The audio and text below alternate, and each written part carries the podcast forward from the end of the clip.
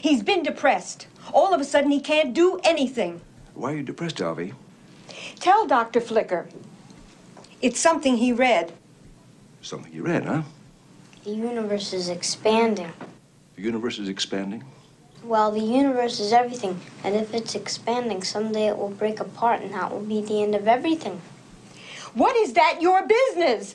He stopped doing his homework. What's the point? What has the universe got to do with it? You're here in Brooklyn. Brooklyn is not expanding.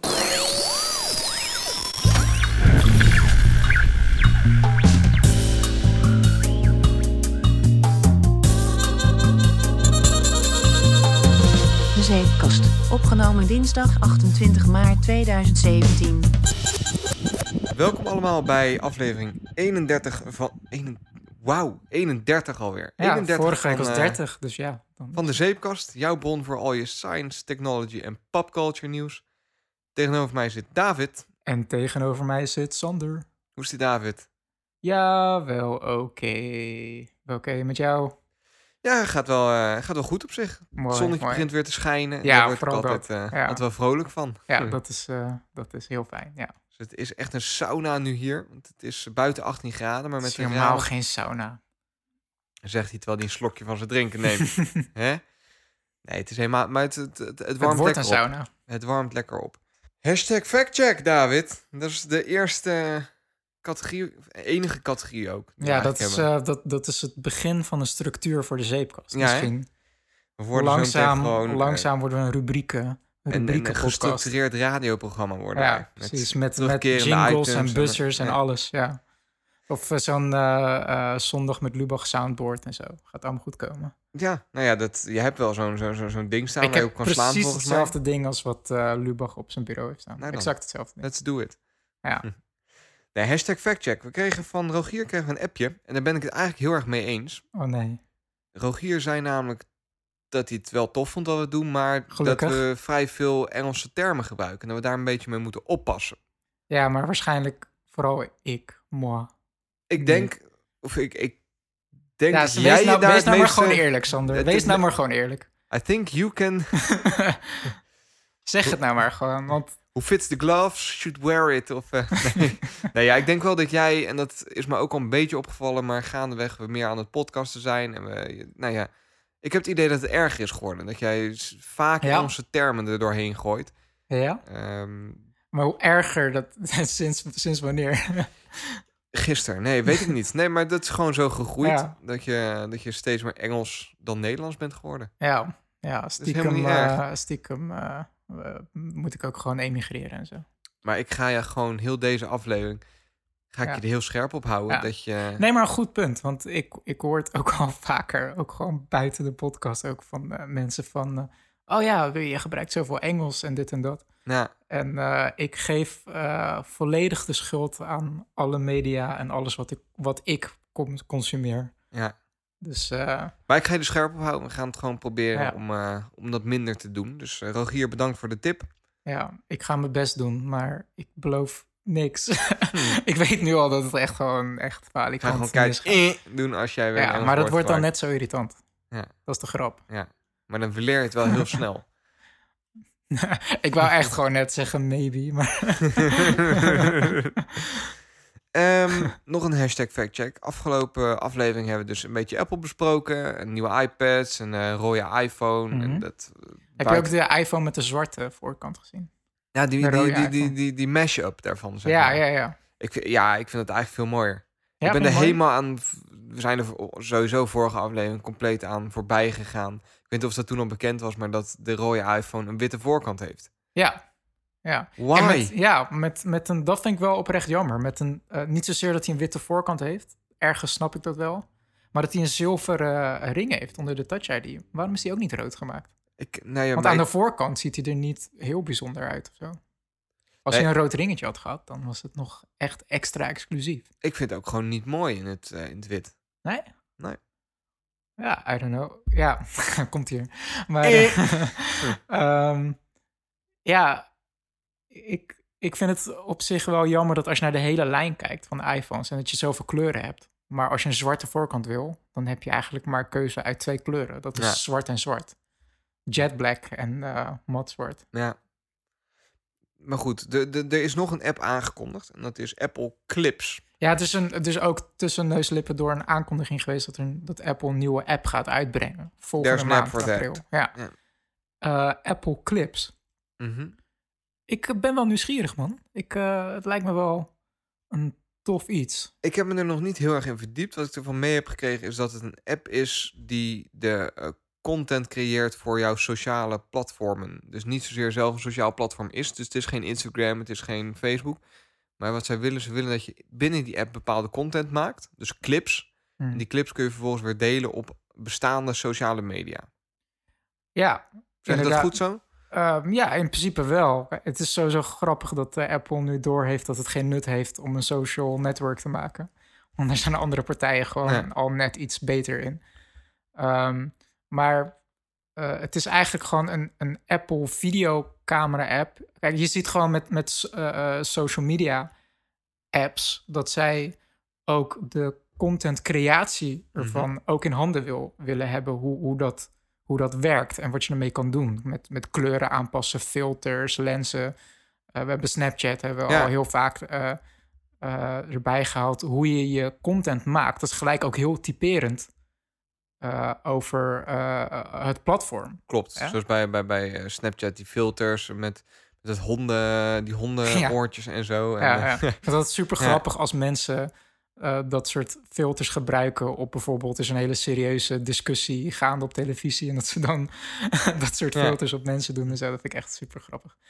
Ehm, maar in wezen biedt Apple dus gewoon hun eigen content creatieplatform aan en het delen ervan dat dat eh, laten ze dan over aan de gevestigde Nee, orde. En dat vind ik eigenlijk heel slim en best wel gaaf. Wat, wat, ik, wat ik slim vind ook is dat ze hebben gekeken waar zijn wij goed in. Ja. Zij weten van, van oudsher dat ze goed zijn in foto's en filters en creëren van eh, creatieve beelden. Dat Mhm. Apple wel het creatieve platform is. En dat ze dus heel het Nou ja. sociale aspect. eh, Hoe oud is Photobooth wel daarom. op de Mac? Ik weet nog staat dat echt ik, al eh, duizend jaar. Dat ik daar dan voor zat en het achter me liet sneeuwen en zo. Ja, en dat soort, ja, ja, ja, eh, ja, precies. Of, eh, eh, Wie heeft er een gr- green screen nodig als je dat hebt? Dat werkt ja, best wel oké. en, en het is gewoon super consumentvriendelijk, lekker simpel, snel. Ehm, maar wat, wat mij tofste, wat, wat ik de interessantste feature vind aan Feature. Apple. Ja, dat feature, ja, eh, functie. Hè? Jee, hoe, hoe streng, ja, waar, waar ligt de lijn, hè? Ja, Moet dat is ik, lastig. Moet ik touchscreen zeggen of aanraakscherm? Aanraakscherm. Oh god, nee, dat, daar, ik weiger. Bij Bij deze... touch, touchscreen mag een uitzondering. Die, Ja, maar waar, waar ligt dan de grens? Where's the line? Where's the It's a line? thin line between Dutch and English. Ja, Nee, maakt niet uit. Ga door. ik... eh, hè? Continue. Waar, waar, waar was ik? Eh, ja, eh, wat de meest interessante feature is van Apple Clips voor mij... waar ik gewoon het meest nieuwsgierig naar ben, is live titles. En dat is wel echt een functie die nu nog niemand heeft. Maar ik Mhm. verwacht echt binnen no time... dat Snapchat en zo er ook allemaal mee komen en Instagram. Ja, vo- voordat die app uit is, dat zij dat Ja. al eh, geïntegreerd hebben. Het is eigenlijk ehm, live captioning. Dus het eh, live ondertitels maken bij wat je zegt. Eh, dus eh, als je bijvoorbeeld een, een, eh, een vlog aan het vloggen bent, Mhm. wat heel veel mensen tegenwoordig doen, en je loopt op straat en je zegt van joh, ik ga nu koffie halen, dan kan je dus een functie aanzetten dat terwijl je praat, dat er onder aan het scherm gewoon ondertitels gegenereerd worden, dynamically. Dat is super slim. Voor, Ja. Want ik heb bij Facebook wel eens, als ik dan door mijn, door mijn timeline heen ga, Ja. dan st- start er automatisch een filmpje en dan blijf ik wel eens hangen. Eh, maar ik zit altijd via de site. Ik heb de app er Mhm. niet op staan. Volgens mij is het zelfs zo in de app dat hij automatisch met geluid gaat spelen. Weet ik niet zeker. Ja, geen idee. Weet ik Daar niet. heb ik wel iets over gelezen dat ze Hm. dat in ieder geval willen gaan doen. Maar ik zit gewoon op de, op de website, want dat neemt veel minder ruimte in. En dan Mhm. blijf ik wel eens hangen bij zo'n filmpje. Puur omdat ik het beeld interessant vind. Ja, Eh, het geluid hoeft dan van mij niet. Of ik heb geen koptelefoontje bij me, of eh, weet je wel. Dan zou ik het wel tof vinden als ik alsnog ja, zo'n filmpje kan kijken. Zonder, Precies dat. Ja. Precies dat. Dat je, dat je bijvoorbeeld, je bent muziek aan het luisteren, je zit in de tram, je bent muziek aan het luisteren en je bent ook op je Instagram feed aan het scrollen. Dat je alsnog het filmpje kan kijken Ja, en kan volgen wat er gezegd wordt. Ja. Zonder dat je dan weer je muziek moet pauzeren. Wat- wat dat ik vind ik wel- echt heel slim. wat ik wel freaky vind, bij Apple vertrouw ik dat wel. Maar als Mhm. andere clubs dat doen, in, in het kader van privacy, waar we het natuurlijk al heel vaak over hebben. Ja, is dit wel een teken dat ze gewoon direct analyseren wat jij je, zegt. je, je tekstprocessing, eh, in principe wordt, wordt eh, wat je tegen Siri zegt, dat wordt ook eh, eh, berekend op de servers bij Apple. Ja. Dat, dat gebeurt volgens mij niet op je op je nee, maar dat, doe ik bewuster. Dan kan ik Ja. echt, als ik zeg, hey Siri, dan heb ik heel, oh, Nee, ze. dan moet ik weer gaan piepen. Hè? heel, heel bewust, een, eh, bewust een opdracht. Ja. Terwijl als ik aan een video aan het maken ben, dan ben ik er niet heel bewust mee bezig dat alles wat ik zeg gelijk geanalyseerd wordt. Ja, ja, precies. Dat is wel een freaky gedachte, vind ik. Ja, zeker. Zeker weten. Dat van alles wat je zegt gelijk een manuscript geschreven wordt over wat je wanneer gezegd Ja. hebt. Dat wordt opgeslagen ergens. Dat is wel... Ja, de circle, Heftig. de circle man. Ja. Maar dat, ja, dat, dat, eh, dat is eh, onvermijdelijk. Dat Ja. alles, alles wat we creëren voor onszelf, dat dat gewoon de, het grote al- algoritme in de cloud ingaat. En eh, dat is in feite waar het boek Homo Deus over gaat. Dat we de next step voor, voor de mensheid is dat De wij... volgende stap voor de dat- mensheid. de, ja, je weet wat ik, wat ik wou zeggen. Eh, dat, dat het algoritme in ons leven gewoon echt gewoon een, een bepalende factor gaat worden. is, is wel duidelijk wanneer die uitkomt? Eh, april. Maar ik weet niet of er een exacte datum is. Maar vooral wat je zegt, dat, dat het, het is gewoon een heel simpel, maar tof idee ehm, om eh, eigenlijk stille video's te maken. Ja, Ehm, en het is maar nu even kijken hoe goed eh, die transcripties werken. Eh, ik moet zeggen dat Siri bij mij altijd wel, eh, ik denk voor 90% wel goed pakt wat ik zeg. Ook als ik bijvoorbeeld een, een, een sms of zo ik, aan ik het zit nog steeds ben. in, in dubio. Ik, ik switch iedere twee maanden ongeveer tussen Engels en Nederlands met mijn Siri. Ja, nog steeds. Je, je kan nog niet vastpinnen. Ik, ik kan op, niet eh, settelen. Wat is het nee. Nederlands woord van settelen? ja, ik, Volgens mij is dat een Nederlands woord, settelen. Maar een leenwoord misschien. ik vind het in het Nederlands prettiger. Want als ik de naam van, van, van Mhm. familieleden zeg, of weet je wel. Call Sander Bijleveld. Ja, Of nou, je- Bitchleveld maakt hij ervan. Ja. Waar was ik? Ja, nou, dan, dan vind ik dat vervelend. Ik moet ook al mijn- mijn mijn sms-berichtjes in het Engels sturen en zo. En dat, ja, dat komt gewoon af en toe raar Mhm. over. Mhm. Maar als ik hem niet in het Nederlands heb, dan kan ik mijn favoriete... Volgens mij heb ik dit echt al zes keer gezegd hier. Maar Maakt niet uit. favoriete artiesten en allemaal Engelse termen kan ik weer niet tegen Ja, zeggen. ja, ja, ja. Eh, dus Dat is eigenlijk precies waarom ik hem op Engels heb staan. Omdat ik eh, eh, anders bijvoorbeeld inderdaad functies als eh, speel deze artiest af. Maar we hadden het daar van, van de week over. Dat je dus als artiest, ehm, Oh ja, ja. als, als, als muzikaal iemand, eh, als je muziek uitbrengt, dan moet je tegenwoordig rekening gaan houden met de uitspreekbaarheid van jouw naam. Van je artiestennaam. ja.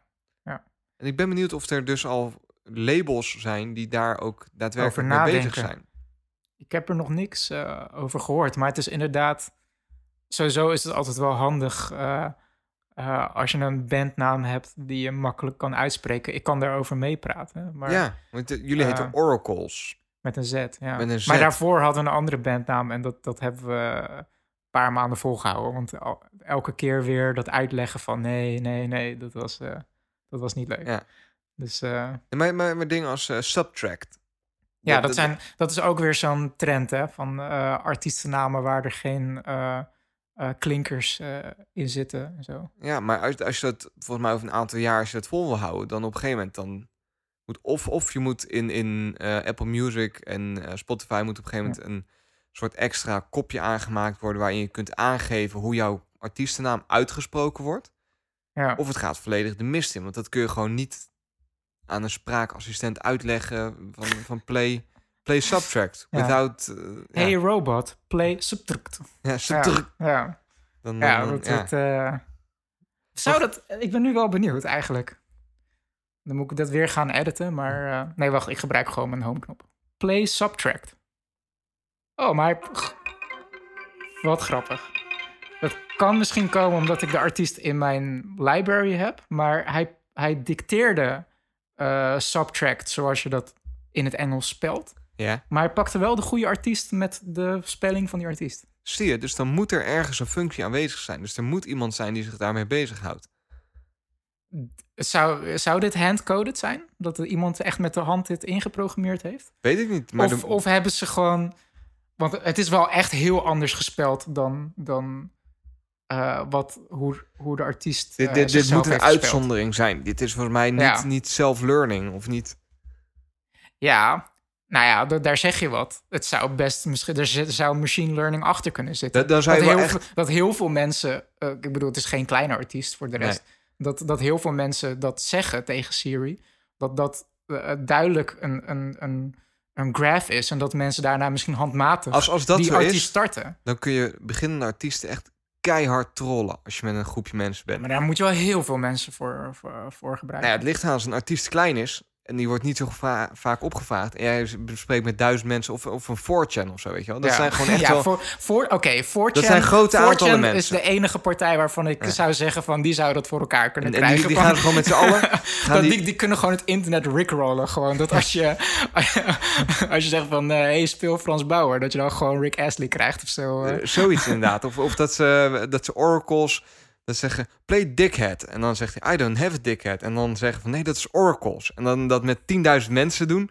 Dat, dat, dat, dat, Dan zou ik me dat echt Siri dan die vereerd- trend ziet. Dan zou ik me echt vereerd voelen als 4chan dat eh, voor mij zou regelen. Dat- zou wel heel vet ja, zijn. nee, daar zeg je wat. Dat is de enige partij waar, waarin ik geloof dat die dat kunnen doen. Ja. Maar waarom geen machine learning? Ik bedoel, dat wordt ook gebruikt om zodat Siri woorden leert, bijvoorbeeld slangtaal, Ja. Die niet in de, de Oxford Dictionary woordenboek bijvoorbeeld staat. ja, En dat, dat, dat Siri alsnog die woorden leert. Omdat het blijkbaar, omdat er een piek zit in bepaalde woorden bijvoorbeeld. Dus dat, waarom niet? ja, ja, Ja. kan. Eén laatste ding, we, zeiden het net, tegen elkaar van we willen een korte aflevering van maken, want, want eh, we willen eh, van de zon genieten. Maar Dit, dit staat niet in de talking points list. Het komt gewoon random. ja, we zitten nog in hashtag eh, factcheck, maakt niet uit. Ehm, eh, de interface van, van Apple Clips. Ja. Heb, je, heb je er al een screenshot van gezien? Nee. Ik heb hem hier volgens mij nog openstaan om eens Ja, kijk dit. Kijk hoe groot die recordknop is. Een Ja. super grote, brede, pilvormige rode hold to record knop. En dat vond ik gewoon grappig. Want Een rare interface is het. ja, het is zo van, nou ja, we, een ronde cirkel hebben we nu wel gehad. Dus laten we er nu gewoon een nog grotere pilvormige knop van maken. Maar dat is zo'n 180 graden van dingen als eh, eh, Snapchat of Instagram stories of zo. Want als ik elke keer als ik, als ik bijvoorbeeld Instagram stories open, één keer in de, als het weer volle maan is of zo.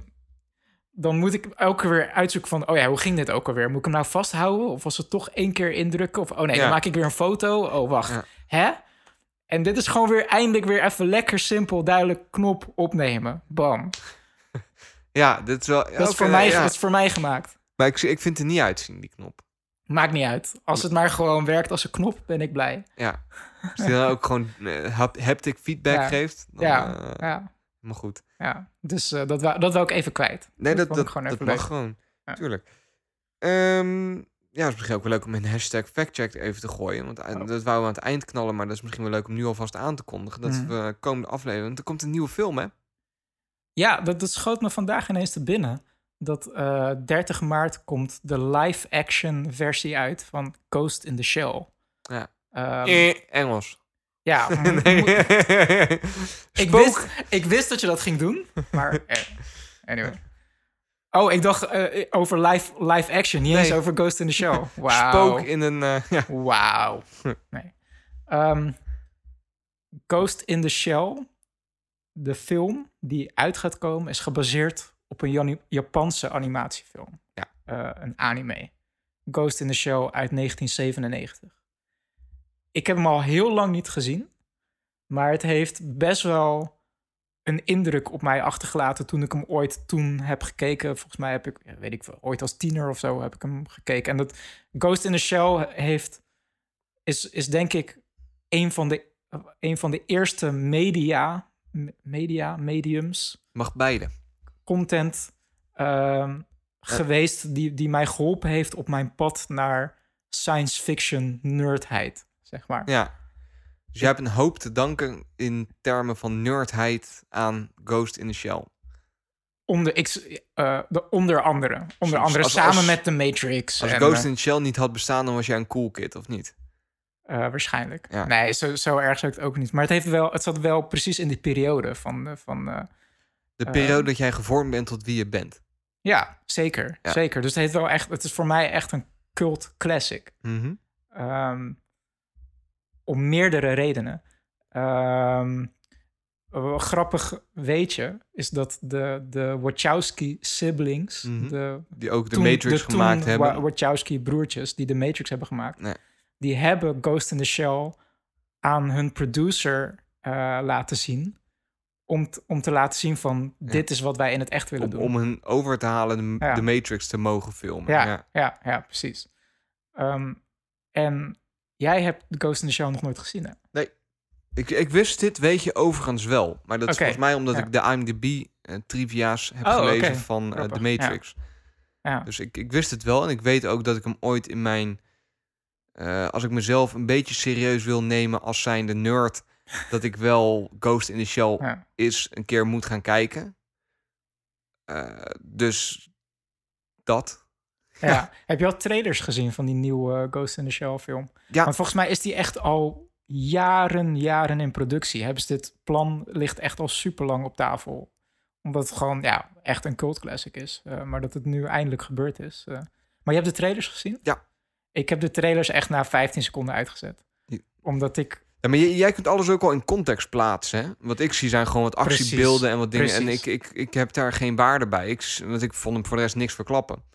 Nou ja, Eh, ik, zag meteen, ik zag meteen beelden die gewoon letterlijk één op één gewoon scènes en bewegingen en Mhm. movements zijn uit de animefilm van 97. Maar daar word je toch dat- juist blij van als je dat ziet.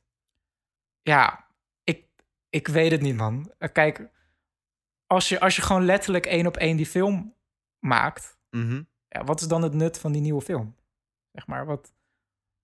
Snap je? Wa- wa- Wat, is de toegevoegde waarde? Ja.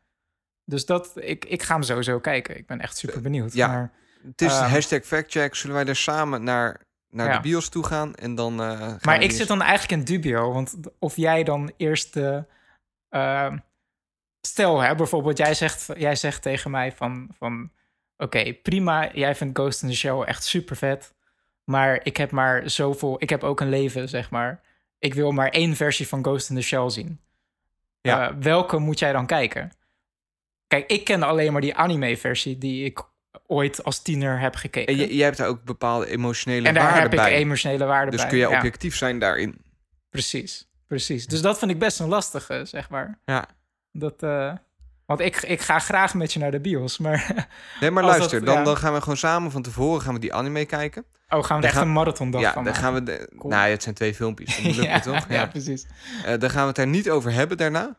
Oké, oké. Wij kunnen het echt nergens meer over hebben nu we die podcast hebben. Ja, Eh, en dan gaan we daarna gaan we naar de film. En dan Ja. achteraf wil ik het met jou erover hebben wat dan toffer was. Volgens mij.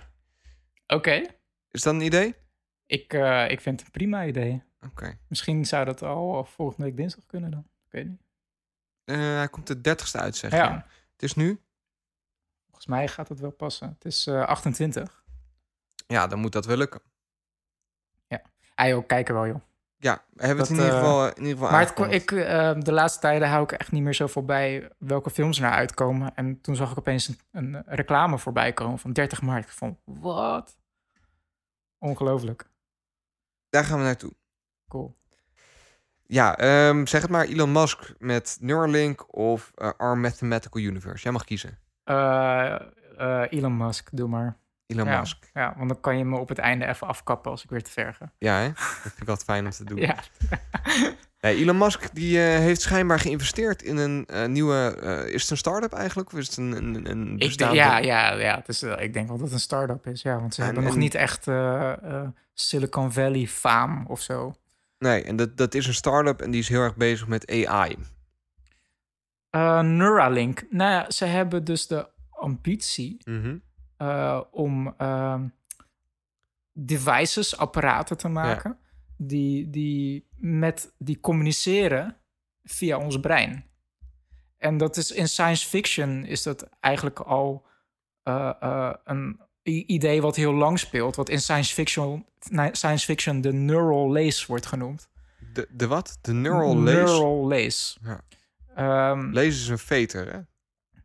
Ja, onder andere. Ik weet niet in, op, op, op welk origine van het woord ze het hierop baseren, de neural lace. Nee. Uh, maar een, een voorbeeld van de neural lace in science fiction zou kunnen zijn bijvoorbeeld in de Matrix. Die gigantische plug die in de achterkant van je uh, Je hoofd wordt, wordt Ja. geprikt om zo uh, als het ware de, de, digi- de virtual reality wereld in jouw brein te injecteren. Is, is, is, dat, ook, dat is de neural lace. is een voorbeeld daar ja. ook van waar we het vorige keer over hebben gehad via MIT... dat als je verlamd bent, dat ze een draadloze transmitter op je hersenen kunnen plakken... die praat met de onderkant van je lichaam, zeg maar. Um, in feite wel. Want, Dat is wel tof, want dat is dan echt een eerste stap in ja, want het, het, neural lacing, Ja, zeg maar. ja, maar ja, ja, het is eigenlijk gewoon een, een, een chip in je brein om met, uh, uh, Hardware te om, om met hardware uh, te praten of software. In ieder geval met de digitale wereld Ja. te communiceren, rechtstreeks met je brein. En jij haalt nu het voorbeeld van MIT aan. Dat is wel interessant, want de, de, de grootste ontwikkelingen tot nu toe zitten voor, voornamelijk in de medische wereld. Ja. Om inderdaad voor mensen die verlamd zijn met, met uh, uh, bepaalde hulpstukken te, te communiceren. Ja. Um, of bijvoorbeeld het verhelpen als dingen als uh, uh, epilepsie of Parkinson of zo. Er, er zijn er ook Ja, wel, wel tof dat, ontwikkelingen dat de cirkel dan zo rondkomt. Want dat is precies waar we het vorige keer over gehad Ja, hebben. ja. En daar Maar gaat- het, het is ook gewoon een, een, een front wat ehm, gewoon nu waar heel veel naar gekeken wordt. Alleen ik denk wel dat het een gebied is. Dat is niet dat we over vijf jaar opeens allemaal uh, naar, ons, naar implants- onze huisarts gaan. hebben. Naar onze Ja. huisarts gaan in een stoel gaan zitten en daarna volgens uh, onze lampen kunnen bedienen door er, door erover te denken van ik wil nu, Ja. uh, ik wil nu een leeslamp aan hebben of zo. En plop, je gaat je lampen zo. Dat, dat zie ik niet gebeuren. Nou, Om- je, je, je ziet heel mondjesmaat de eerste stappen daarin gemaakt worden door, zeg maar, lo- los van echt de medische wereld, maar bodyhackers die eh, Ja. RFID-chips en zo in hun, eh, hun hand laten doen en, en Ja. dat, dat soort basale dingen. Ja, maar kijk, een chip in je pols of zo, oké. dat maar, is nog maar heel je, ver je weg hersenen, van je hersenen. Ja, Je hersenen, dat is wel echt next level. ja daar moet je maar. niet mee kutten. Dat, nee, nee. eh, de, ik haalde net bijvoorbeeld aan dat mensen een chip in hun brein laten implanteren tegen bijvoorbeeld eh, een experimenteel middel tegen Parkinson of zo. Ja. Maar dat, dat doe je echt alleen maar als elk ander middel, of zo is eigenlijk je laatste hoop, zeg maar. Ja. Omdat er gewoon zoveel risico's aan verbon- verbonden zitten. eh, als het op een andere manier kan dan in je brein vroeten, dan kies je altijd voor de andere manier. zeg Ja, dus Omdat het, het is echt wel een, een, een laatste oplossing. ja, ja. En, en dat komt puur omdat we nog te weinig weten over hoe neuronen in, onze, in ons brein, ehm, eh, hoe, hoe die connecties met elkaar zitten en hoe ze communiceren en wat. Hoe dat precies werkt. ja, ja. Ehm, er zijn natuurlijk wel eh, ehm, mensen mee bezig om bijvoorbeeld ons, ons brein in kaart te brengen. Bijvoorbeeld eh het Connectome-project. Connectome is eigenlijk een term voor de, de kaart van alle connecties die het brein heeft. Ja. Eh, maar, eh, Alle bekende connecties. ja, maar uiteindelijk is het, is het doel van de Connectome-project om alle connecties Ja. in kaart te brengen. Eh, maar eh, ik, er was, ik probeerde ooit een keer jou een filmpje ervan te sturen, maar toen was dat filmpje eh, offline gehaald van YouTube. Ja. Over een, een neuroloog die dus met het connectome-principe ook bezig was. En die probeerde eh, eh, aan verschillende mensen op, op verschillende niveaus het, het concept van de connectome uit te leggen.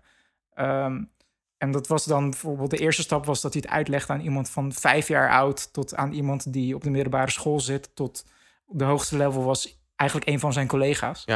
En dat was best wel een vet filmpje. Ik moet, eh, als, ik hem, als hij inmiddels weer geplaatst is, zal ik, op, eh, zal ik hem op de, in de show notes In de zetten. show notes knallen, ja. Maar dan zegt hij dan bijvoorbeeld echt vijfjarig jongetje... nou ja, al die connecties in ons brein, dat is eh, eh, net zoveel als de sterren in ons heel, heelal, zeg maar. Dat, Een hoop. Dat, dat is veel, ja. Ja.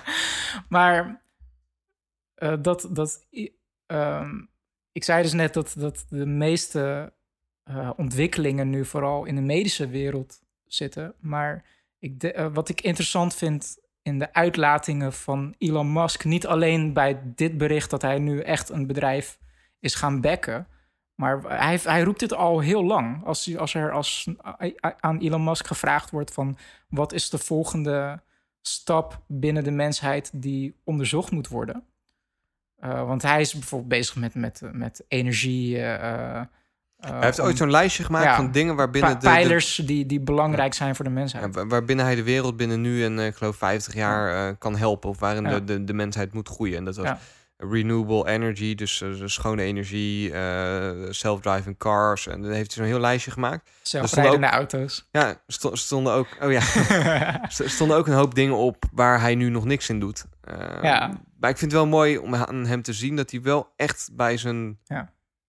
geloofsovertuigingen Ja. blijft ook. Nou, volgend, vo- vorig jaar werd, volgens mij was het Recode. Recode is zo'n eh, congres eigenlijk waarin eh, de belangrijke CEO's en zo geïnterviewd worden. Was Elon Musk ook. En toen werd hem dus ook die vraag gesteld van... eh, wat is een van de pijlers waar je je nu niet mee bezighoudt... maar wat je wel ziet dat dat binnenkort gewoon heel belangrijk gaat worden. En toen noemde hij de neural lace. Interfaces maken tussen onze biologische zelf, zeg maar... en de digitale Ja. wereld. Eigenlijk die, die, die Ja. grens doorbreken. Ja, ja. En Dus zijn... Je, je treedt eigenlijk uit je lichaam dan. Je maakt van, van, van dingen buiten je lichaam maak je ook soort van jou of bestuurbaar met je nou ja, lichaam. de, de barrière tussen, tussen onze vleeszak, zeg maar, en de digitale wereld, die, die eh, wordt doorbroken. Maar wat ik het interessantste vind, is zijn argumenten voor. Want eh, kijk, je kan het zeggen van, oké, dat is belangrijk, zodat we, tot, zodat we eh, onszelf eh, digitaal kunnen, kunnen versterken. Dus Mhm. dat je bijvoorbeeld connect, eh, verbonden bent met, met het internet. of je kan hulpstukken op je lichaam kan je aansturen. Maar zijn argument is dat, dat wij onze brein kunnen versterken om de ontwikkeling in artificial intelligence bij te benen. Hij is Dat heel wij- bang daarvoor. Ja, ja, ja. En Hij dat is vind ik gewoon bang een- voor- dat vind ik echt zo'n vet argument. Dat, dat hij eigenlijk zegt van Wij moeten slimmer wij, worden. moeten, wij moeten slimmer worden. Wij moeten ons brein als het ware hacken. eh, om, om de snelheid van hoe snel een artificial intelligence supercomputer denkt. Om dat bij te kunnen benen. om ons te zodat we kunnen. Ja. om, zodat wij dat kunnen verstaan en kunnen meedoen, zeg maar. is something that I think is is going to be quite important. Um, and and, and it's, there's not I don't know of a company that's working on it seriously is is a neural lace.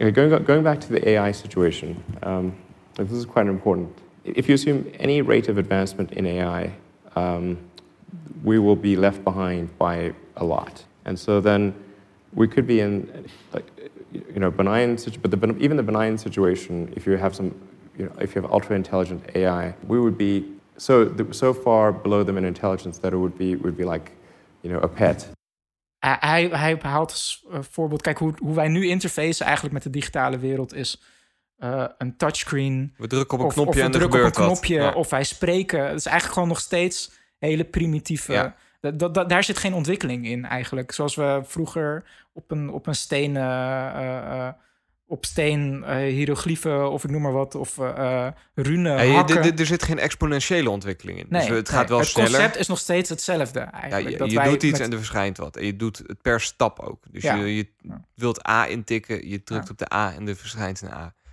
Ja, maar computers nu al communiceren op een compleet ander niveau met elkaar. Dat, dat gaat zo belachelijk snel. Dat, dat, wij, dat, dat wij kunnen dat niet, niet bijbenen. En eh, eigenlijk is de neural lace eigenlijk Elon Musk's concept van... oké, om dat eh, eh, tegen te gaan, dat wij wel mee kunnen doen... moeten we dit gaan ontwikkelen.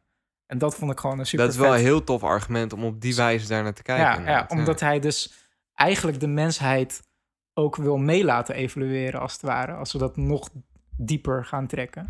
Ja. Omdat hij gewoon ziet dat de ontwikkeling in artificial intelligence op een gegeven moment zo exponentieel snel kan gaan.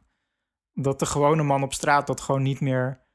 Dat, dat, dat zijn gewoon mieren ten opzichte van de. En dan hebben we het over de. de, de- En hij is er ook bang Super- voor. super hij, hij denkt oprecht Ja. dat wij op een gegeven moment echt gewoon uitgestorven gaan als we Ja. daar niks aan gaan doen. Artificial Ja, nou ja, Elon Musk is niet de enige die daar bang voor is. Eh, eh, ik denk aan een Nick Bostrom. eh, ik denk aan een. Wie, wie is Nick Bastrom? Moet je misschien even kort Nick- toelichten? Ja, Nick Bostrom, die heeft, heeft een, een, een, een boek geschreven ook die daarover gaat, Superintelligence. En daarin legt hij dus ook de verschillende levels uit van, van eh, type artificial intelligence. Ja, en waar- kijk, er is al, Siri is ook een artificial intelligence, Maar daar hebben we niet zoveel voor te vrezen. Nee. Eh, maar een superintelligence, die, die, dan, dan zie ik bijvoorbeeld eh, mensen die daar niet bang voor zijn. Dat zijn bijvoorbeeld Neil deGrasse Tyson, die zegt van ja, dan trek je de stekker eruit. Maar dan, denk, dan is het tegenargument van misschien is dat te naïef, dat die binnen dat de, de, de, het moment dat ons brein zeg maar ziet van dit gaat de verkeerde kant op, ik moet ingrijpen, dat zijn dan Dat hij al vier stappen een- vooruit heeft dat- gedacht, dat- verschillende scenario's heeft berekend en Ja. de likelihood daarvan en daar verschillende plannen voor heeft bedacht Ja, en weet, ja. of sterker nog, dat hij dusdanig slim is geworden dat hij een manier heeft gevonden om uit de lucht elektriciteit uit- te trekken uit, eh, of eh, ja, zichzelf zelfvoorzienend te maken. di- dingen die Of wij nog niet eens. Of ja. dat binnen een knipoog van ons dat, dat een artificial, eh, dat zo'n intelligentie super intelligent wordt, in één keer scenario's ziet dat hij doorheeft dat als hij kenbaar maakt dat hij super intelligent is, dat de mens hem gaat uitschakelen. Ja, dus en dat dat, hij daarom als dom- blijft. Precies, Ja. dat, hij, dat, hij, dat hij een soort van in één keer een façade optrekt. En dat kan allemaal binnen een knipoog een microseconde gebeuren. Ja. Weet je? En dat zijn wel eh, scenario's, zeg maar, waar we, waar we rekening mee moeten houden. En dan zou je kunnen zeggen van dat als je een neural lace hebt, dan speel je in hetzelfde digitale domein en heb je veel meer controle over. ehm, eh, want je, je maakt in, in principe Ja, ik- jezelf ik- ik- super ik intelligent, dus je zit op hetzelfde level, zeg maar. Ik zie echt zo'n ethisch teamed film vormen waarbij iemand, of 90s, eh, waarbij iemand zich zelf digitaliseert en dan als, Ja, als poppetje Tron. met zo'n heel raar pak, eh, tronachtig Tron. inderdaad, maar Ja, dan nog veel Tron, slechter ja, ja. eh, in de digitale wereld achter virussen Ja, aanrent. de en- allereerste Tron-film is wel slechter. Ja, ja, ja, dus Ja. Dat, dat, dat soort scenario's Ja, inderdaad. ja, precies. precies. Mooi. Maar ja, kijk, voordat zoiets gaat gebeuren... en dat wij dus allemaal chips in ons brein hebben... en zelf super intelligent wordt... ja, dat gebeurt niet morgen, zeg maar. Nee. Maar het is wel vet dat, dat Ik, ik denk dat Musk, sneller zeg maar... Dat, die roept dat al een tijdje, van dat hij dat belangrijk vindt... en dat hij nu ook inderdaad ook weer daden bij zijn woorden voegt. Ja, geen woorden maar daden. Ja. Ben jij, ben jij eh, eh, zenuwachtig voor zondag, by the way? Ik ben helemaal vergeten, man. Eh, nee, dan gaan we gewoon winnen. De zondag, de- ja, Gaan je- zondag worden wij jullie kampioen. dat gewoon winnen? Zondag worden wij kampioen. Ja? Dat eh sidetrack. Ja. Ehm, geen, ja, geen woorden maar daden. Nee. Ja. Eh, waar waren we? Ja, ik, vind, ik waardeer dat ook wel aan Elon Musk. Dat Ja. hij wel iemand is die... Kijk, love me or hate him. Ja. Dat mag wel in het Engels dan, hè? Ja. Love me or hate him. Hij doet wel wat hij al tien jaar zegt dat hij wil doen. Ja. En hij doet het ook echt. Hij is, het blijft niet bij woorden of bij filosoferen of bij... Nee, put your money where your mouth is. Mhm. Dat, eh, dat vind ik wel cool. Maar goed, daar weten we voor de rest nog helemaal niks vanaf. Het enige dat Nee. we weten is dat hij er geld in heeft gestopt. Ja. En we weten dat Elon Musk dat vaker doet, geld stoppen in dit soort bedrijven. Ook met artificial intelligence vindt hij wel eens wat, puur om dicht bij de bron te zitten. Ja, hij heeft ook ehm OpenAI opgestart, hè? Samen Ja. met wat andere mensen. Ja, dus Om, hij, hij eh, doet dat ook wel. Hij, hij is daar echt, echt heel bewust mee bezig. Ja. En dat, eh, dat is wel iets om in de gaten te Maar meestal puur omdat hij... Volgens mij is hij gewoon een hele bezorgde man. Die denkt van, oh jee, ik, over duizend jaar... dat gaat niet goed komen met, eh, met ons over duizend jaar. Ja. Laat ik nu maar alvast wat gaan... eh, Wat geld... eh, AI open source en wat def- defense verdedigingstactieken op, opzetten. Nou ja, wie weet wordt hij over, over, over 5000 jaar gezien als God. ja, Zeg maar. Als, de als, Church als, als- of Elon. Ja. Ja, als, als een soort van eh bring, Hij heeft er wel echt een goede naam voor eigenlijk. Ja, om om eh, Elon. Ja, zo'n legendary figure, eh, de boek of Elon. legendarische, ja. Wauw. Eh, over boeken gesproken. Wauw, ik wou echt net hetzelfde bruggetje maken. Ja, Nice. jij bent bezig in een boek, hè? Ja, weer. Jij leest Ja. eigenlijk behoorlijk veel, man. Dat is echt... eh, Ja, nee, dat komt. Ja, dat klopt. Maar ik procrastinate. Ik stel ook veel te veel dingen uit, zeg maar. Ik heb weer afgelopen week. heb ik niet zoveel gedaan, behalve een boek lezen. Want welk boek ben je aan het lezen? Ik ben nu eh, Our Mathematical Universe van Max Techmark aan het lezen.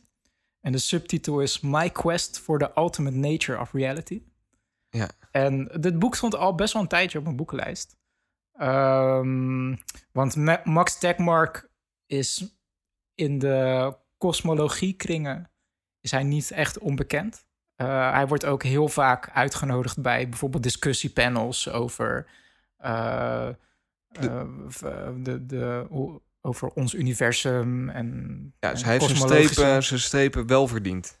Ja, absoluut. En hij heeft ook wel echt veel betekend voor de, voor de community, door de gemeenschap.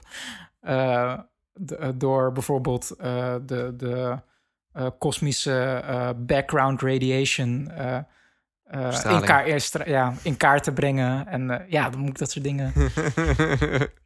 door, door, a- door daaraan mee te helpen, door bijvoorbeeld data die, die door telescopen worden gemeten over eigenlijk het oudste licht wat wij kunnen zien in ons universum. Dat is eigenlijk de, de kosmische achtergrondstraling.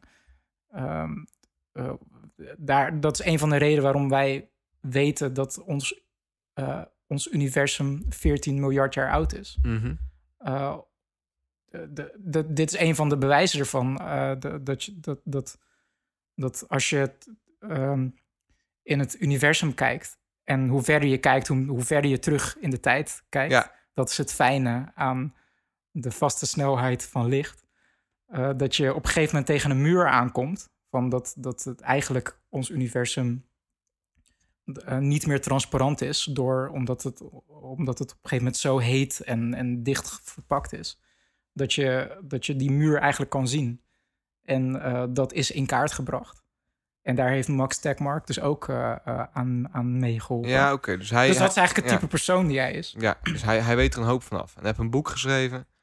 Ja, En, En- Waar, waar, waar is het boek in, zeg maar, tien zinnen besproken? Wa- wa- Wat is de, de core beliefs? Dus wat, wat is de, de, de kernboodschap van het boek? nou ja, de, de, het is niet zozeer een boodschap. Het is meer dat. ehm, het, het is gedeeltelijk bijna, zou ik zeggen, een autobiografisch boek. Dus, en dat vind ik zo fijn ook aan het boek. Dat, het, dat hij niet zozeer feitjes loopt op te rakelen, maar dat hij bij elk feitje ook een soort van anekdote heeft van ja, en toen was ik met die en die en ik, vond, ik weet nog goed dat ik het zo spannend vond om eh, eh, deze eh, conferentie bij te wonen, dat deze ontdekkingen weer, weer kenbaar gemaakt werden. Ja. Dus dat is sowieso al heel vet. Dus, dus hij hangt eigenlijk zijn, wat hij je wilt leren, hangt hij op aan een soort van Ja. verhaal, zodat je het beter kunt plaatsen. Ja. En nou ja, als ik, als ik het zou terugbrengen tot een doel van het boek, is dat natuurlijk als je, je eigenlijk je hele leven met dit soort thema's en er zo diep in zit, eh, ehm, als je daarmee bezig bent, dan krijg je ook bepaalde ideeën Ja. over, eh, over de, de, de meaning of it all, eh, van eh, hoe, hoe, wat ons universum is, eigenlijk. Ehm, en dat Ja, is misschien wel een van zijn drijfveren. Ehm, want de subtitel is ook My Quest for the Ultimate Nature of Reality. Van wat is, wat is onze realiteit? Wat is realiteit? Wat, Ja. wat, wat wij eh, observeren, eh, hoe, ons, hoe ons natuurwetten werken en zo. Waar komt dat vandaan? Wat is dat? Wat is het? Dat zijn best, eh, best diepe vragen die die. Ja, die en hij ziet het dus, maar het zijn diepe vragen, maar ehm, hij benadert het wel als iets wat niet. Hij benadert het logisch. Ja, maar hij benadert het ook op een manier van dat is iets wat wij, wat, wat wij als mens toch kunnen begrijpen uiteindelijk. Dus in, in die zin is dat. Want het is natuurlijk ook een argument, hè, dat je zegt van, nou ja, we komen, de mens heeft een bepaalde eh, niveau die hij kan bereiken met, met al zijn experimenten en berekeningen en zijn wiskundige methodes. Zonder de Eh, neural lace gaan we dat nooit begrijpen, zeg maar. Ja, precies. Dat wij gewoon dat wij niet de capaciteit hebben om, de, om het ultieme structuur van alles te überhaupt te begrijpen. Ja. Dat, dat kan een mening zijn. Ehm, als ik Max Tegmark's boeks lees, dan deelt, hij, die... mening niet. Dan Ja. heeft hij zoiets van eh, met alles wat hij tot nu toe heeft geobserveerd en berekend, dat hij best wel durft te zeggen dat hij een theorie heeft over hoe het allemaal werkt. Ehm, ik moet er gelijk bij zeggen dat ik halverwege het boek ben. Ik zit op, denk ik, op 40 procent, zo Mhm. ongeveer. Ehm, Max Tegmark is een van de kosmologen die aan de kant staat dat eh, wij in een multiversum leven. Dus dat wij, oh, vet. ja, dus dat wij, Ja. eh, Dus in een universum leven waar... En er zijn eh, ja, infinite of, of eindeloos veel er zijn universums. meerdere kopieën van, van ons en van, van, van wat wij observeren. En dat probeert hij eh, dus te beargumenteren. Ehm, hij heeft het zelfs ook over vier lagen van, van multiversums. Dus dat, je- dat je verschillende levels hebt aan ehm, multiverses. Ehm, en, Hoe, hoe, hoe bedoel je dat precies? Want nou ja, turtles all the way down. Dus dat je elke keer dat. dat, dat ehm, je, je zou bijvoorbeeld. eh, hij legt het bijvoorbeeld uit met.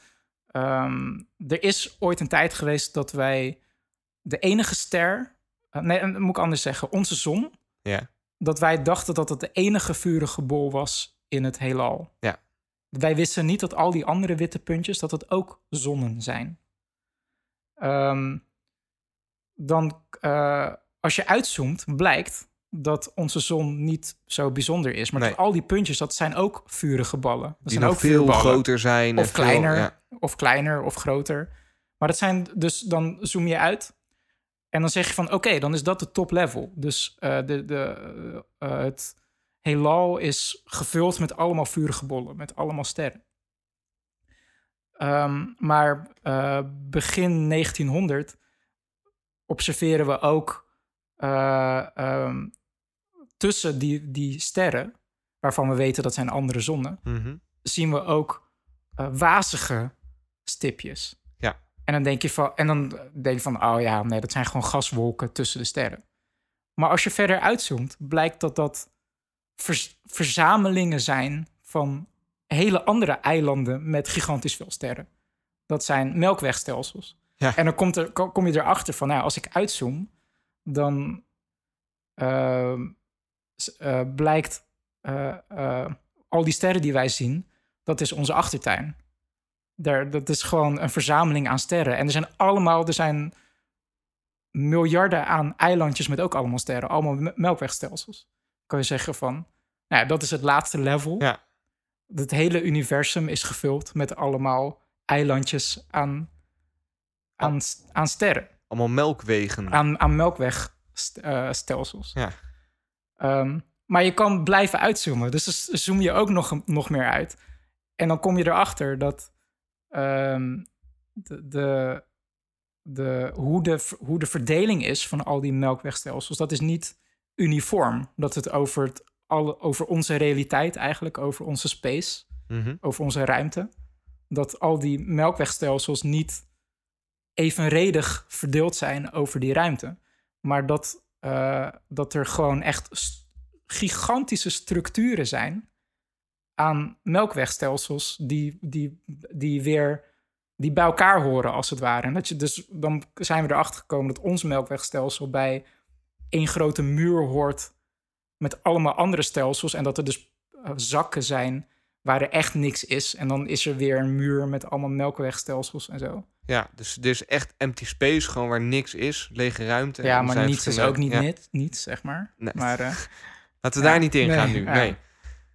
Ehm, dus, eh, dus dat is even om als voorbeeld om te zeggen van het uitzoomen ervan. Ja, en, en hij heeft het dan over vier eigenlijk, levels. En eigenlijk is hij dus... eh, eh, eh, hij legt dan uit wat, een multi, wat het concept van de multiverse is. Mhm. Van een meerdere universums. En dat je daar met dat concept ook steeds verder kan uitzoomen... naar hogere hiërarchieën, als het ware. Ja, En ik ben tot en met level 2 gekomen. dus je kunt op een gegeven moment kun je zeggen van... oké, dus er zijn meerdere universums. Als je maar ver Ja. genoeg uitzoomt. Wat gebeurt dan als je nog verder uitzoomt? Ja, en dat is, ehm, dat is wel even belangrijk om te vernoemen. Die, die ideeën van die vier levels van multiverse, Mhm.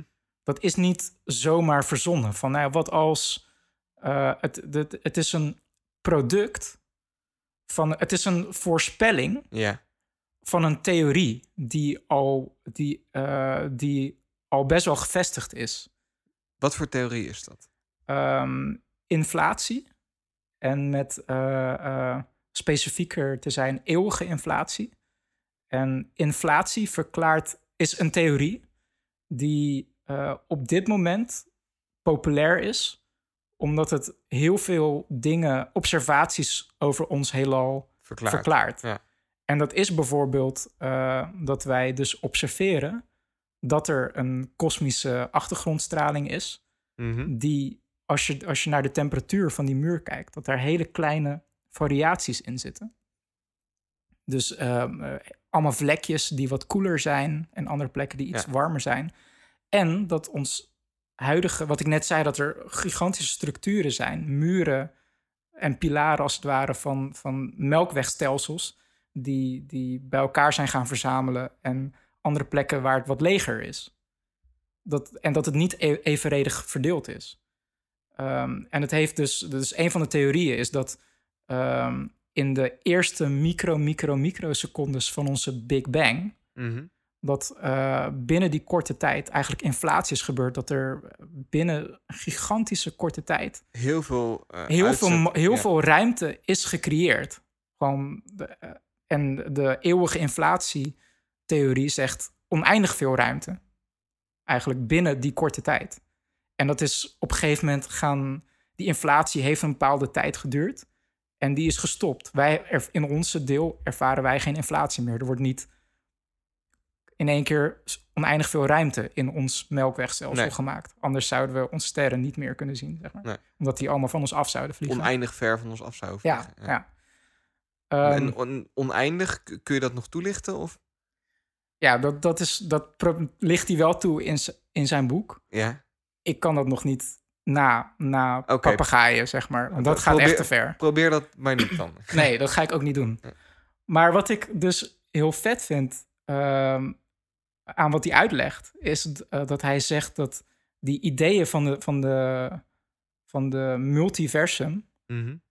dat is een voorspelling van een theorie, inflatie. En die theorie inflatie, die blijkt nu best wel goed te passen in alles wat we observeren. En zijn argument is dan van, oké, als, je, als je inflatie accepteert, dat dat de theorie is hoe ons, univer hoe ons universum is ge- gevormd, Mhm. dan moet je de, de eh, voorspelling dat er meerdere universums zijn, moet je ook serieus nemen. Dus het is niet een idee wat zomaar verzonnen is, maar wat ook ehm, eh, wat een product is van. Ja, zeg maar. het is niet een theorie op zich, het, het universum. Het, het, een, een, dichter, een voorbeeld wat dichterbij staat is ehm, de relativiteitstheorie van Einstein. Een van de eh, relativiteitstheorie werkt, omdat we GPS hebben en zo. Dat is allemaal gebaseerd op die theorieën. Dus Maar dat is een- waardevolle, ja. waardevolle science. Ja, maar een voorspelling van relati- relativiteitstheorie is dat er ook eh, gravitational waves bestaan. Eh, zwaartekrachtsgolven. Ja. Maar Einstein zelf zag, dacht van... oké, mijn formule die voorspelt dat dat soort dingen bestaan. Eh, maar ik denk niet dat we dat ooit gaan observeren. En voilà, we hebben het wel geobserveerd. Dus dat is ook een voorbeeld van dat... je kan niet, je kan niet een theorie accepteren... maar kiezen welke voorspellingen ervan eh, dan wel kloppen en welke niet kloppen. Je kan niet zeggen van, eh, oké, ik geloof in... Eh, het klopt een beetje. Ja. Ja. precies, precies. Het klopt een beetje. Dat kan je niet zeggen. Als, als een relativiteitstheorie klopt, dan kloppen zwaartekrachtsgolven en zwarte gaten ook. En dat is eigenlijk wat Max Tegmark in dit boek ook probeert uit te leggen. Van als inflatie klopt, dan zijn er ook meerdere universums. Ehm, ik had het jou ook al laten zien, maar in het begin van het boek heeft hij ook een soort van legenda van zijn hoofdstukken. En daarin heeft hij ook een verdeling gemaakt waarin hij zegt van... oké, deze hoofdstukken die worden door, eigenlijk door mijn, al mijn collega's... die worden wel geaccepteerd. Waaronder de Big Bang-theorie Ja. en eh, eh, de kosmische achtergrondstraling, inflatie. Als hij op het moment naar de, over de multiverses begint... dan eh, heeft hij een soort van de disclaimer... Als ik, wat ik nu ga behandelen is super controversieel. Ja, dus En daar ik heb zijn we heel toch veel- helemaal niet over eens. Nee, eh, en eh, hij, heeft, hij zegt dat hij genoeg collega's kent die hem gewoon, gek verklaren. nou ja, wel echt flink met hem willen discussiëren. Maar ook omdat het, omdat het, ehm, Omdat ze zoiets hebben van... Het voelt ergens ook gewoon niet prettig of zo. Dat het, ik denk dat het, dat het ergens ook iets menselijks is of zo. Ik kan me zo voorstellen dat vroeger... dat het geen prettig idee was... dat eh, er eh, meerdere sterren zijn. En je denkt van, nou ja, onze ster moet gewoon uniek zijn. Ja. En als dat niet zo blijkt te zijn... dan gaat, doet dat toch afbreuk aan de Ja, speciaalheid we we van worden iets nog weer kleiner, weet je wel. En we, we hebben al steeds meer het gevoel dat we echt Ja. een, een speck of dust zijn. Dus een, een Ja. stukje stof. Eh, en dat wordt echt nog, nog veel kleiner gemaakt weer... als er ook weer oneindig veel multiverses Ja. zijn. Nou ja, wat hij dus bijvoorbeeld zegt in, eh, in de level 1 multiverse... Mhm. is dat ehm, door inflatie is er oneindig veel ruimte gecreëerd. Eh, en hij definieert ons universum als alles wat wij nu kunnen zien. En dat is eigenlijk een bol van... eh, Dus tot en met die, die, die muur die tot hij en met... beschrijft. Ja, in principe is dat een, een bol ter grootte van hoeveel tijd licht heeft gehad om ons te bereiken. Dus je kan, kan zeggen dus een bol van ongeveer 14 miljard Lichtjaar. lichtjaar om Ja. ons heen. Ja. Maar omdat ruimte volgens deze theorie oneindig is, is er achter die bol zijn er ook allemaal andere, is er ook allemaal andere er ruimte, ruimte, ja. met ook planeten eh, eh, en geschiedenis. Maar wij kunnen dat niet zien. Dus zo, Nee. de- zo definieert hij dat eh, een parallele level 1 universum. Maar op een gegeven moment zou die universums dan ook tegen elkaar aan moeten groeien, toch? Ja, en, dan, licht- en, licht en breidt nu kom je... De, ja, maar dan kom je dus wel op het gekke idee met relativiteit en oneindigheid en zo. Maar ehm, er is sowieso, met deze definitie van een universum, is er overlap. Want bijvoorbeeld... eh, Overlap tussen verschillende eh ja, want, want, want je bent met deze definitie van het universum... ben jij letterlijk het, cent, het middelpunt van jouw universum. Ja. Waar je ook bent. Ja, ja. Want als jij, stel dat ik bijvoorbeeld een ruimteschip heb en ik, en ik eh, Gaat Verpl- 20 miljoen lichtjaar naar boven. ja, dan is mijn middelpunt van het universum is 20 miljoen jaar op lichtjaar op een ander plek dan van jou. Ja. En ik, ik zie dingen Die jij niet ziet. die jij niet ik, ziet. zie, ik zie wat jij niet dus dan ziet. heb, je, dan heb je dus En twee. het is een hete gaswolk. Ja, Ja. En je hebt dus twee universums die dus overlappen. Ja. Met mijn oogpunt en jouw oogpunt. Ehm, dus dat is op zich tot daar is dat soort van logisch of zo. Ja. Maar dan kom je dus, en eh, hier, dit is dan het weirde, zeg maar. Als je dus oneindig veel ruimte hebt. Ehm, en je kan zeggen van in deze bol, in onze bol van het universum. Er zijn er maar, eh, is er een bepaalde configuratie van alle eh, de- eh, elementaire deeltjes, zeg maar, die er zijn. Ja. Ehm, dat is gewoon een patroon eigenlijk. Ehm, en dit is, dit is eh, super globaal wat ik nu zeg, want het gaat nog veel verder met eh, bijvoorbeeld quant dat quantum mechanics, dat je dus eh, niet oneindig klein kan meten. Er is een kortste afstand en zo. Ja. Maar je zou dus kunnen zeggen dat onze bol uit pixels bestaat. Aan, op elke pixel is er een bepaalde configuratie no- eh, mogelijk van deeltjes. Als je oneindig veel ruimte hebt en je, en je gaat oneindig veel eh, een, een rechte lijn Volgen. volgen, kom je op een gegeven moment op, op een plek in een ander, ander universum die dezelfde pixelformatie heeft van al die elementaire deeltjes. Dus op een Ja. gegeven moment kom je een kopie tegen van jezelf. Dan komen we heel erg in de Rick and Morty. eh, Ja, ja. ja. En dat, dat is wel wat hij dus ook beschrijft in het boek. Van, van dat dat dus wel mogelijk is met deze theorie. Dat, wat, wat ik wel tof vind, waar ik gelijk aan moest denken, was eh, de, ehm, hoe heet het? De, ehm, de bibliotheek van Babel. Babel. Library of Mhm. Babel. Dat, ja, is eh, een ges- story. geschreven door Borges, een Argentijnse schrijver. Ja. Ja, ja, ja. 1941 al, hè? Dus echt heel lang geleden is dat al beschreven. Ja, hij, Dat is het nou- schrijft- hij, hij schrijft korte verhalen, maar die hebben allemaal iets te maken met oneindigheid en... En, En, eh, wat hij daar heel mooi in beschrijft, is niet zozeer het concept multiverses en zo, maar het is er wel op, op toepassbaar. Ja. Dus wat hij schetst is een wereld waarbinnen eh, een, een bibliotheek is met allemaal een boeken van... bibliotheek, ja. Ja, dus, dus allemaal zie een grote eh bijenstructuur voor je, allemaal zes hoeken. Die oneindig, of nou niet oneindig, hij is niet oneindig. Maar daar staan allemaal boeken staan daarin. Ja, maar, maar het, het- de bibliotheek is wel oneindig. Nee, Nee? volgens het verhaal niet. Nee, kijk, er Ik heb staan, hem heel lang geleden er gelezen. staan dat allemaal boeken staan erin. Ja. En hij eh, schetst dus helemaal hoe die bibliotheek eruit ziet. En er wonen daar ook ehm, wezens in. Of het mensen zijn, dat is niet Mhm. duidelijk. Maar eh, die wonen daar. Uh, bibliothecarissen, zeg maar. Ja, ik heb altijd mensen geïnterpreteerd. Ja, ik ook. En die wonen daar. Ehm, en die komen op een gegeven moment tot de conclusie, want er staan alleen maar boeken in heel hun wereld. Ja. En op een gegeven moment komen ze in een van die boeken komen ze een zin tegen die wat eh sens maakt. Dus waar logica in zit. Terwijl de meeste boeken, het zijn allemaal boeken van exact 410 pagina's, meen ik. Mhm. Ehm, met, een, met, een- met een vaste structuur van hoeveel zinnen per regel, eh, hoeveel eh, woorden ongeveer, et Je zou kunnen zeggen dat dat de natuurwetten zijn. Ja. De natuurwetten dat zijn hebben daar hun, gedicteerd hun, hun wetten, ja. Hoe, hoe die boeken zijn, Ja. zijn gemaakt, zeg maar. Ja.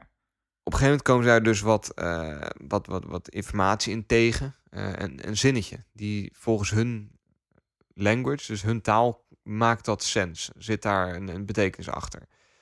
En op een gegeven moment herleiden ze daaruit dat alle mogelijke combinaties van boeken met 401 pagina's met een titel binnen het bekende of binnen dat binnen die bibliotheek aanwezig zijn.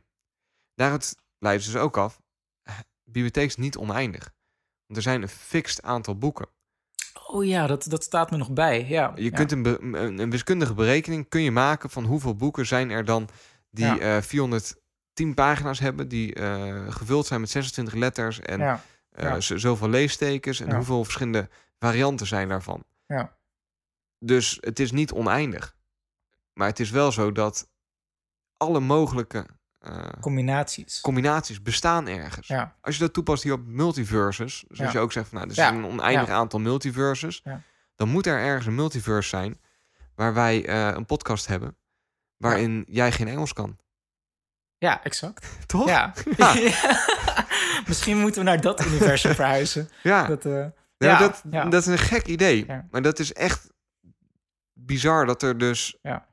Alle combinaties zijn mogelijk. Maar Al- sowieso het lastige is, we praten nu op, over dusdanige hoeveelheden.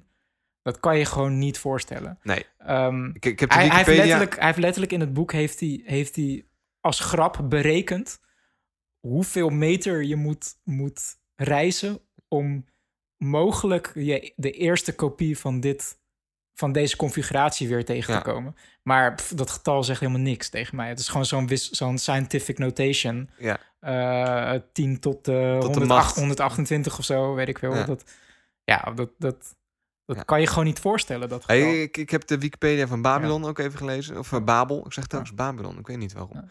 Maar van, van Babel. En daarin hebben ze dus ook berekend hoeveel verschillende boeken er überhaupt zouden moeten zijn dan. Dus niet eens, maar verschillende boeken. Mhm. Ja. En dan komen ze tot, op, op 10 tot de macht 2 miljoen. Ja. En, En is, dat dat, is, dat het verhaal van dat als je dat zou Dat uitschrijven? is groter ja. inderdaad als je dat getal, puur dat getal uitschrijft. Dus niet eens alle boeken, maar alleen het getal van het aantal boeken dat er zijn. Ja. Dan heb je een getal dat qua getallen langer is dan het aantal bekende atomen Ja. in ons universum. Ja. Dus dat is vrij groot. Ja. ja. Ik ben er maar niet mee begonnen.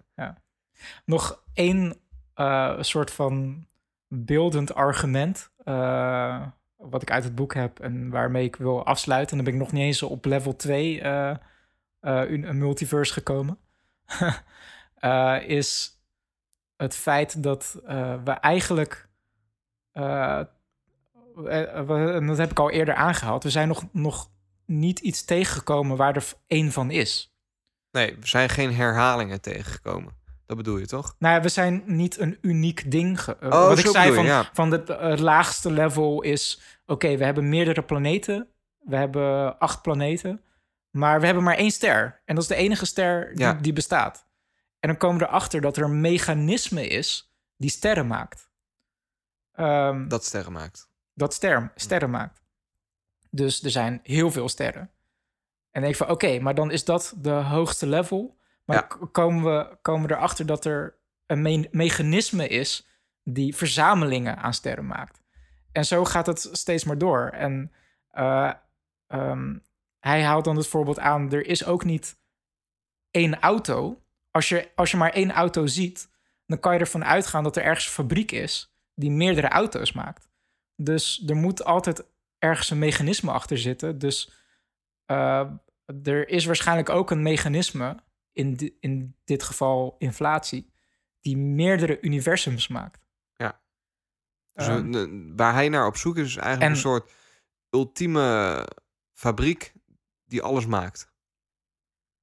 Ja, ja, precies.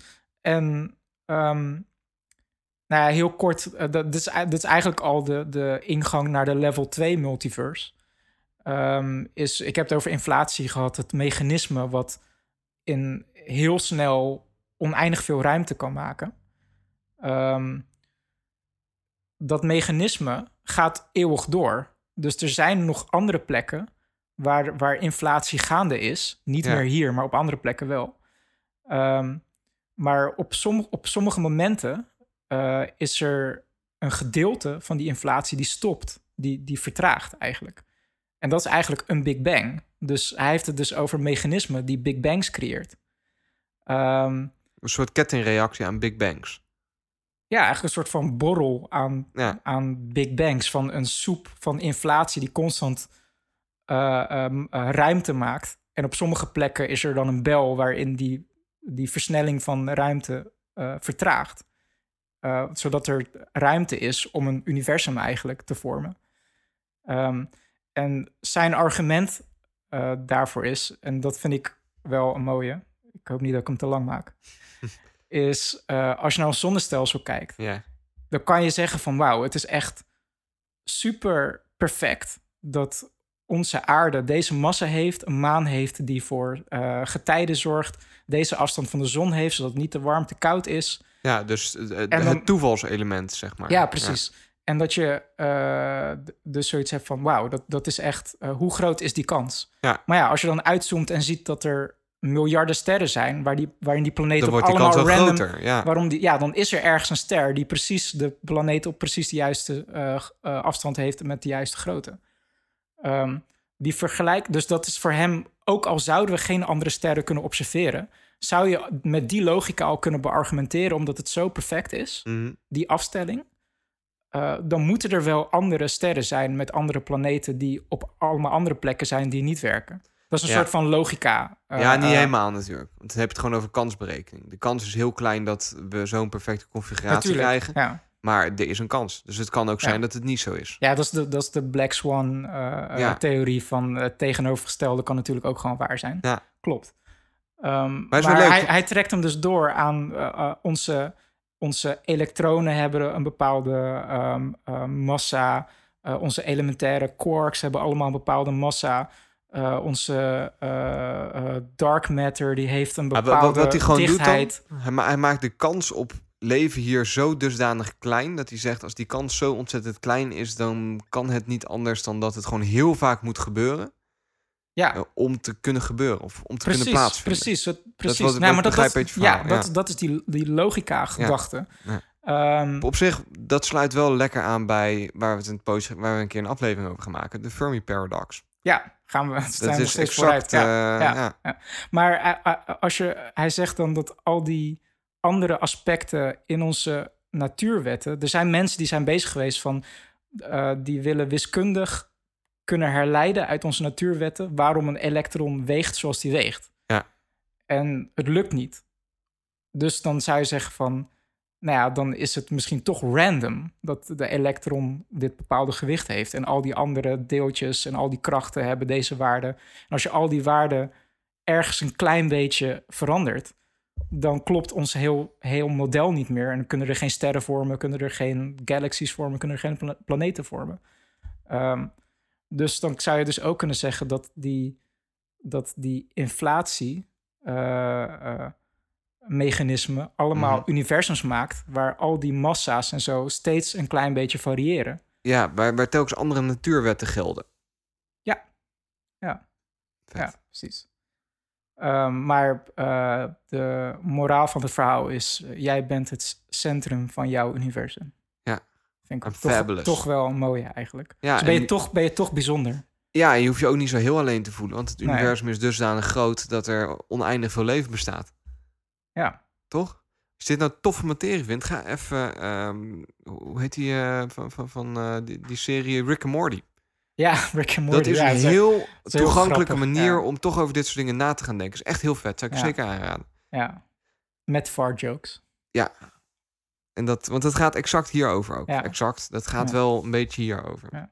Ehm, ik wil mijn excuses aanbieden aan Sander. Want ik zei dat we een korte podcast zouden, van zouden maken. Maar Hoe, lang zitten we gelukt. ondertussen? zullen we het nog over Iron Fist hebben? Van, Ik, eh, voor, Nee, voor mij hoeft het niet. Nee.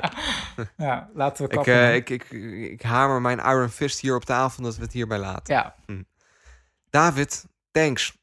Jij ook bedankt. Het was weer een, eh, een heftige aflevering volgens mij. Volgens mij wel een aflevering die wat, eh, wat technischer is. Eh, ja. Ik, Ik hoop, weet niet eh, ik- of ik het hoop me dat gelukt we- is om... Want lees vooral het boek. Want en, en geloof niets wat ik zeg. Trek alles in twijfel en wees Ja, sceptisch. Dat precies, is eigenlijk de, ja. de les die, je- die je Ja, moet trekken. Ja. Ja. Ik hoop dat we wat minder Engels gebruikt hebben. Dat we wat beter... want ik, ik, ik, ik snap heel goed het punt dat Rogier wou maken. Eh, dus Ik daar ook hoor een trouwens. beetje, Ik een snap beetje het op heel gelet. goed. Ja. En dan denk ik dat we zo gaan afsluiten. Yes. David, nogmaals bedankt. Luisteraars, bedankt. Je weet ons eh, te vinden via Facebook, via Twitter. Twitter reageren we het, het, het meeste. Ehm, maar we moeten overal op reageren. Maar we moeten dus overal- eh, doe wat voor Wil jou je, iets, makkelijk wil is. je iets kwijt? Laat het ons gewoon even weten. Dat vinden we altijd leuk om jullie te horen. Laat ook, eh, als je dat nog niet gedaan hebt, laat even een review achter in de, eh, eh, de podcast-app. op je Apple. Op je Apple. Op je Apple. Want daar hebben wij een hoop aan. Dan spelen we onszelf weer een beetje in de picture. En dan worden we hopelijk nog groter. Exponentiële groei. Ja. hoe, hoe, hoe noem je het? Inflatie, theorieën. Eeuwige inflatie. Eeuwige inflatie Eeuwige van de inflatie zeepkast. van de zeepkast. Ja, Daar gaan we voor. hey, lieve luisteraars, bedankt. Live long and prosper. Ciao.